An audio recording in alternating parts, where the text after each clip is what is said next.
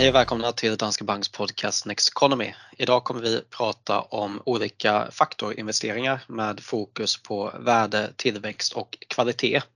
Det är ämnet för dagen men innan det så har vi veckans Aktuellt och vi fick en KPI-siffra här eh, för svensk del igår som kom in på 10,9 mm, Och det är ju eh, högt. Men det man också tittar på det är ju eh, de andra siffrorna som eh, man mäter inflation med och eh, då har vi ju dels den där man rensar bort effekten av Riksbankens räntehöjningar som kom in under Riksbankens prognos och föll tillbaka lite grann mycket tack vare sjunkande energipriser då. Men det som kanske var det som fick mest uppmärksamheten då det är ju kärninflationen och eh, den steg ju oväntat till 7,9 procent och när vi pratar om kärninflation så har vi både rensat bort då effekten av Riksbankens egna räntehöjningar men också energipriser som är volatila och som ju kanske Riksbanken inte kan styra så mycket med räntan då. Men andra varor eh, och tjänster alltså steg med 7,9 procent i årstakt och eh, det här är en siffra som är högre än i både USA och Europa så att vi mm. placerar oss lite grann i inflationstoppen här med eh, den siffran då och den visar också att prisuppgångarna är breda och att det är många varor som ökar i pris just nu. Ja och det där är en siffra som man har följt mycket för amerikansk del, alltså kärninflationen som en viktig parameter för vad Fed kommer göra framöver. Och eh, den sjönk ju här senast men här går vi åt motsatt håll då som sagt den där breda inflationen den vill man ju försöka hålla sig ifrån för den tar ju längre tid innan den kan komma ner igen. Mm, ja men precis och ju bredare prisökningarna blir desto tuffare blir det att försöka pressa tillbaka det här. Och jag såg faktiskt eh, en analys som kom från Handelsbanken då där de har tittat på en korg med ett par hundra olika varor och tjänster och över hälften av de här då ökade med minst 10% i årstakt. Så att det är verkligen breda och eh, kraftiga prisuppgångar just nu och det innebär ju att det är ingen lättnad i sikte än så länge för Riksbanken och många eh, banker och prognosmakare har ju faktiskt höjt förväntningarna på hur mycket man kommer höja räntan då. Och tittar man på Riksbankens egen prognos från förra mötet som var i september så räknade de med att höja 50 punkter. Men en så liten höjning blir det knappast med tanke på hur siffrorna kommit in sedan dess. Och eh, marknadsprissättning har ju hela tiden indikerat att Riksbanken snarare kommer höja med 75 punkter, vilket också varit vår prognos. Men eh, på räntemarknaden igår då så prisade man in en sannolikhet på 60 procent för att Riksbanken kommer höja med en hel procentenhet en gång till till 2,75 procent i så fall. Mm. Sen får vi se om man tar i så mycket då men eh, jag skulle väl ändå säga att chansen är ganska god att man inte kommer stoppa på 2,5 procent utan att den kanske kommer leta sig upp till 2,75 åtminstone innan man eh, pausar och låter styrräntan ligga där under en period. Då. Mm. För det som man eh, fokuserar på eller skulle fokusera på från det senaste mötet och fram till nästa möte det är ju i princip inflationssiffrorna, alltså vilken väg de tar men också hur andra centralbanker agerar internationellt. Och i, ja, i båda fallen där så inflationen har kommit upp på höga nivåer och eh, centralbanker runt om i världen fortsätter ju att föra en väldigt stram penningpolitik och framförallt då de stora, eh, Fed inte minst. Mm. En annan sak som är specifik för Riksbanken det är ju att andra centralbanker faktiskt har fler möten. Riksbanken strök ju några av sina möten som man hade varje år därför att det inte hände så mycket utan det var i stort sett samma sak hela tiden och räntan den låg stilla där på noll så att då drog man ner på antalet eh, penningpolitiska möten per år. Men det har ju gjort nu att man, man sammanträder mer sällan än vad både ECB och Fed gör så att innan Riksbanken då sammanträder igen, eh, alltså efter mötet nu i november, då blir då i februari.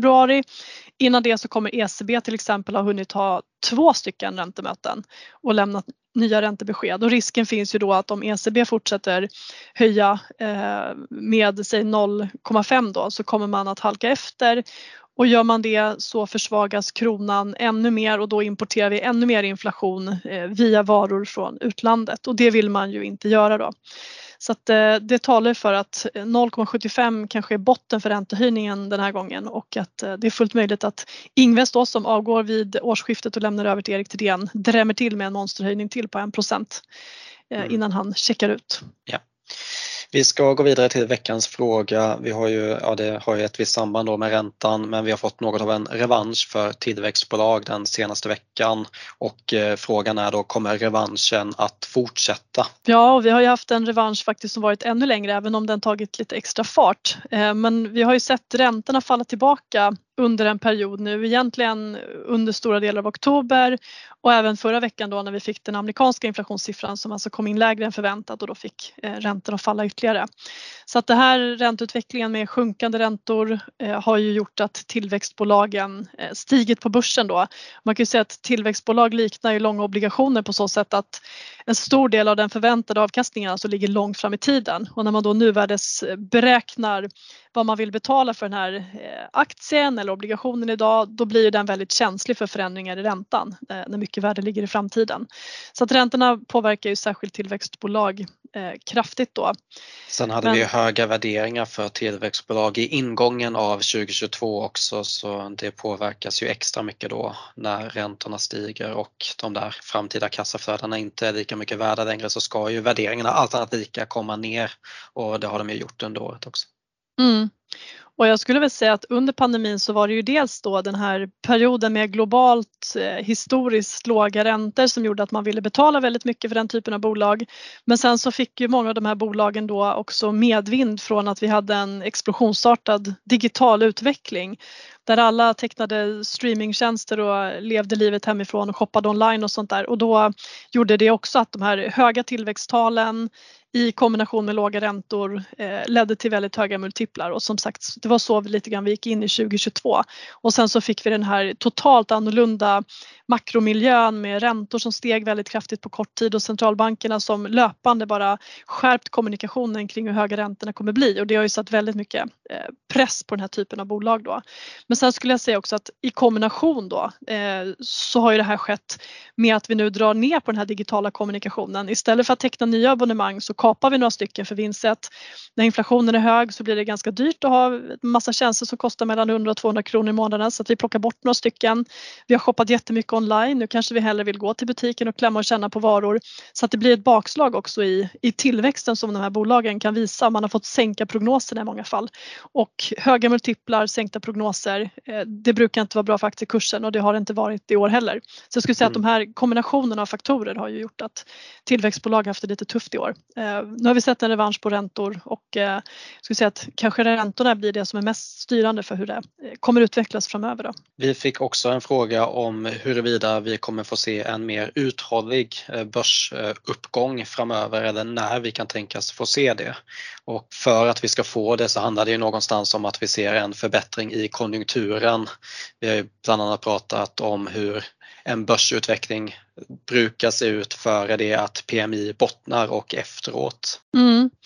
Och eh, börsen går ju normalt sett bra när konjunkturen är god och eh, svagare när konjunkturen mattas av och speciellt då när man ser hur PMI faller ner under 50-strecket som markerar skillnaden mellan tillväxt och eh, kontraktion då. När det faller ner under 50-strecket och fortsätter neråt så brukar det vara som mest negativt för börsutvecklingen. Och vi är ju faktiskt precis där nu. Vi har sett hur industri-PMI har fallit ner under 50-strecket och vi ser orderingången indikera att det ska fortsätta neråt. Och det brukar då vara en, en period när börsen går svagare.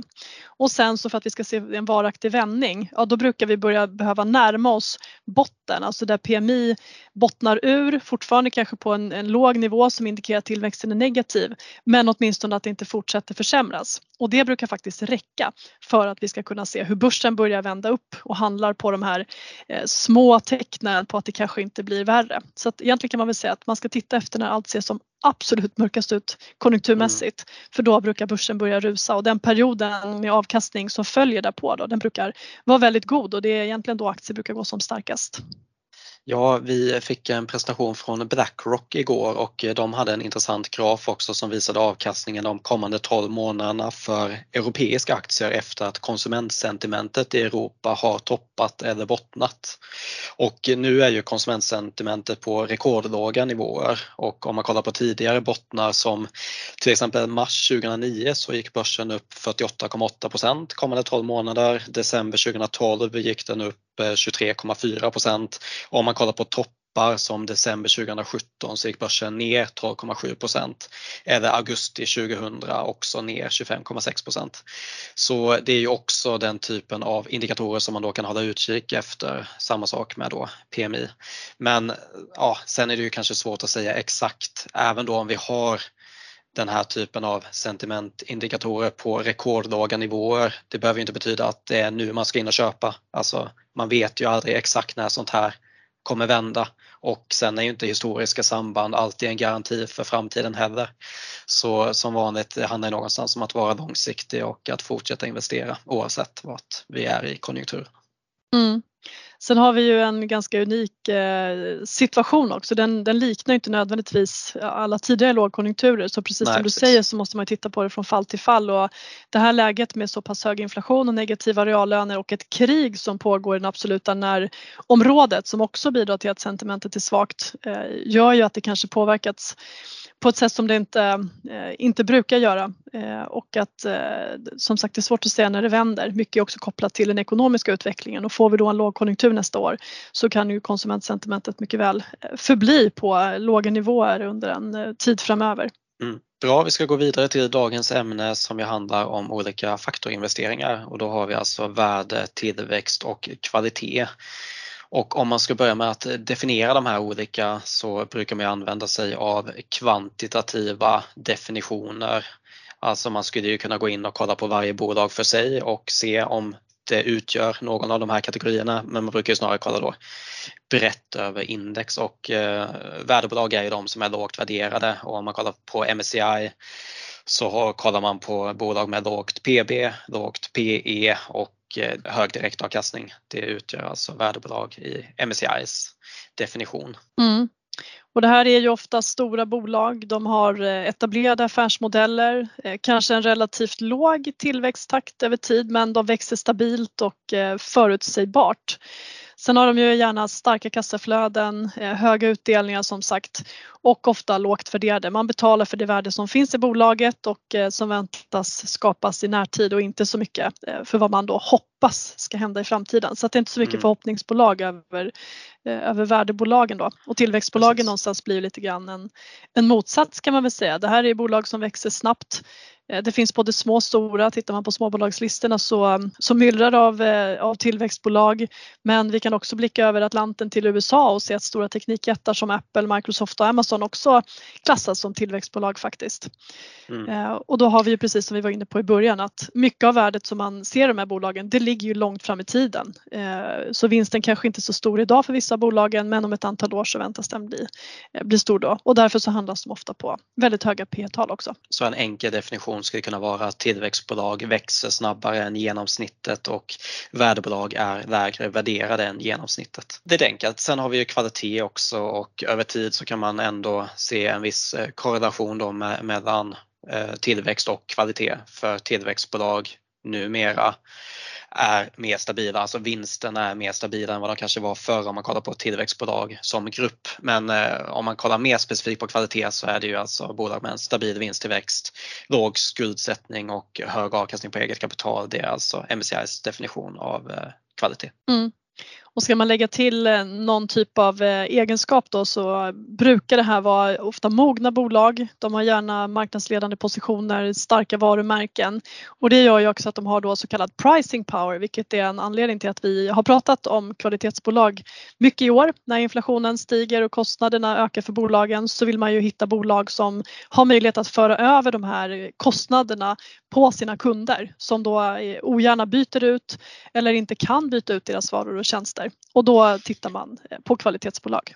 Ja, för det är det som är viktigt under tider av inflation. För man brukar ju säga att aktier är en ganska bra inflationshedge. Men då gäller det ju alltså att det är bolag då som kan föra vidare de här insats eh, eller kostnader på insatsvaror. Att man kan föra vidare det till sina kunder. Det är inte alla som kan det. Så eh, kvalitetsbolag tenderar att gå bra, ja, dels i inflationstider men också i tider av recession.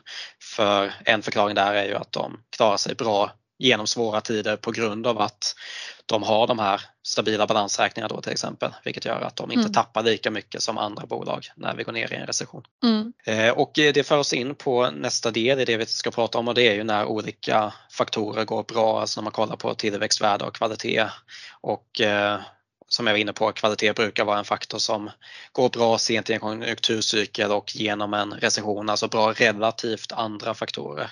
Medan tillväxt är ju, i alla fall historiskt har det varit viktigt för tillväxtbolag att få finansiering och det får man ju oftast i en expansion. Mm. Precis, och hög riskaptit eh, när vi har en stark börs och det finns gott om riskvilligt kapital då tenderar det att gynna eh, tillväxtbolagen då. Sen har vi ju sett väldigt tydligt på utvecklingen i år att just tillväxtbolagen som sagt de är, de är räntekänsliga.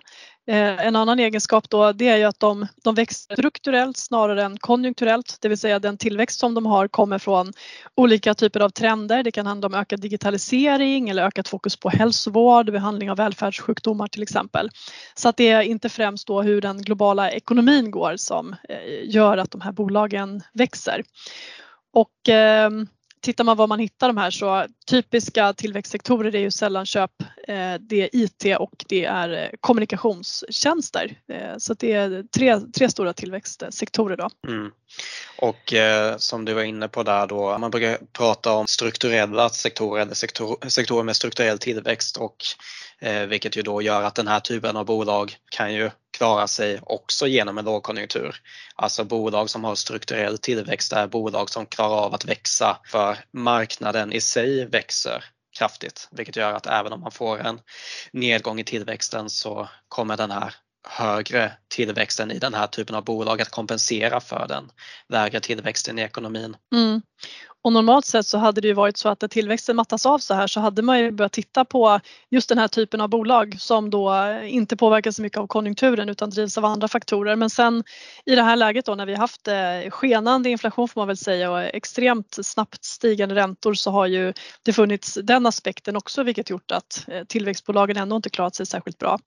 Men blickar man framåt och ser framför sig ett scenario där vi får en svagare global konjunktur och så småningom att räntorna toppar ur och centralbankerna mjukar mjuknar, då är det ett sådant scenario som eh, istället skulle kunna bidra till att eh, tillväxtbolagen kan lyfta lite. Då.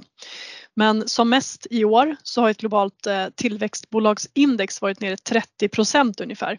Men det har också hämtat in en ganska stor del av tappet och för närvarande så är det nere 22-23 procent. Så att, eh, lite grann upp från botten men fortsatt betydligt högre press än exempelvis då på ett, ett värdebolagsindex som för närvarande är ner knappt 3% Så att värdebolagen har ju klarat det här året väldigt, väldigt väl får man säga. Och det handlar ju mycket om att det än så länge varit huvudsakligen ränteoro som har satt press på börsen och det, det har då inte påverkat de här eh, lågt värderade värdebolagen på, mm. eh, på samma sätt. Då. Och sen hade vi det här historiskt stora gapet mellan värdebolag och eh, tillväxtbolag. Eh, om man kollar på Europa så brukar värderingsgapet brukar ju såklart finnas där. Så värderingsgapet mellan värde och tillväxt brukar vara på ungefär 80% Men eh, om man kollar då hur det har sett ut de senaste åren så har det snarare legat på 150% och det är alltså på historiskt höga nivåer. Det är alltså på samma nivåer som innan IT-bubblan sprack. Och det där kan man se i USA också. Om man kollar på data mellan 1995 fram till 2020 så har S&P Growth gett nästan dubbelt så hög avkastning som S&P Value, alltså S&P 500 då.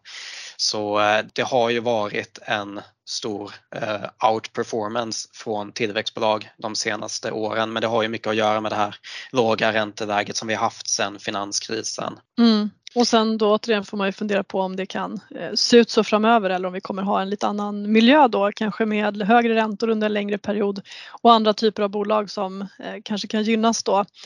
Och tittar man på eh, vad som finns i, i, typiska värdesektorer, då har vi ju mer eh, dagligvaror till exempel, det är mer defensivt.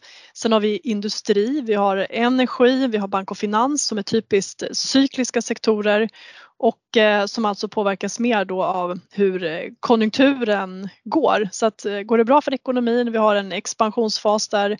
Vi kommer kanske ur en lågkonjunktur och saker och ting tar fart, då tenderar den typen av bolag att gå bra. Och när risken för lågkonjunktur ökar så tenderar de att gå sämre.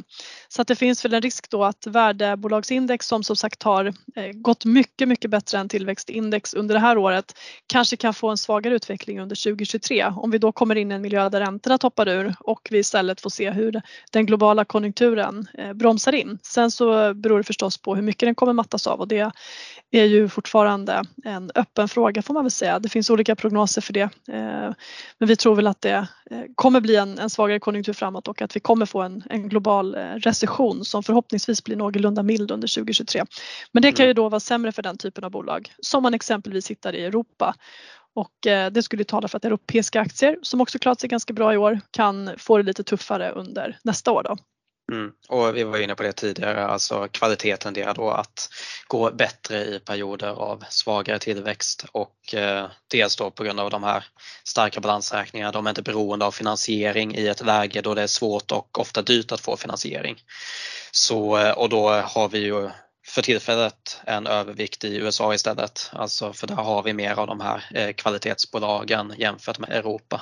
Så eh, mer värde i Europa, mer kvalitet och också tillväxt i USA. Mm. Bra, jag tänker kanske att vi går vidare och eh, pratar om veckans tankefel.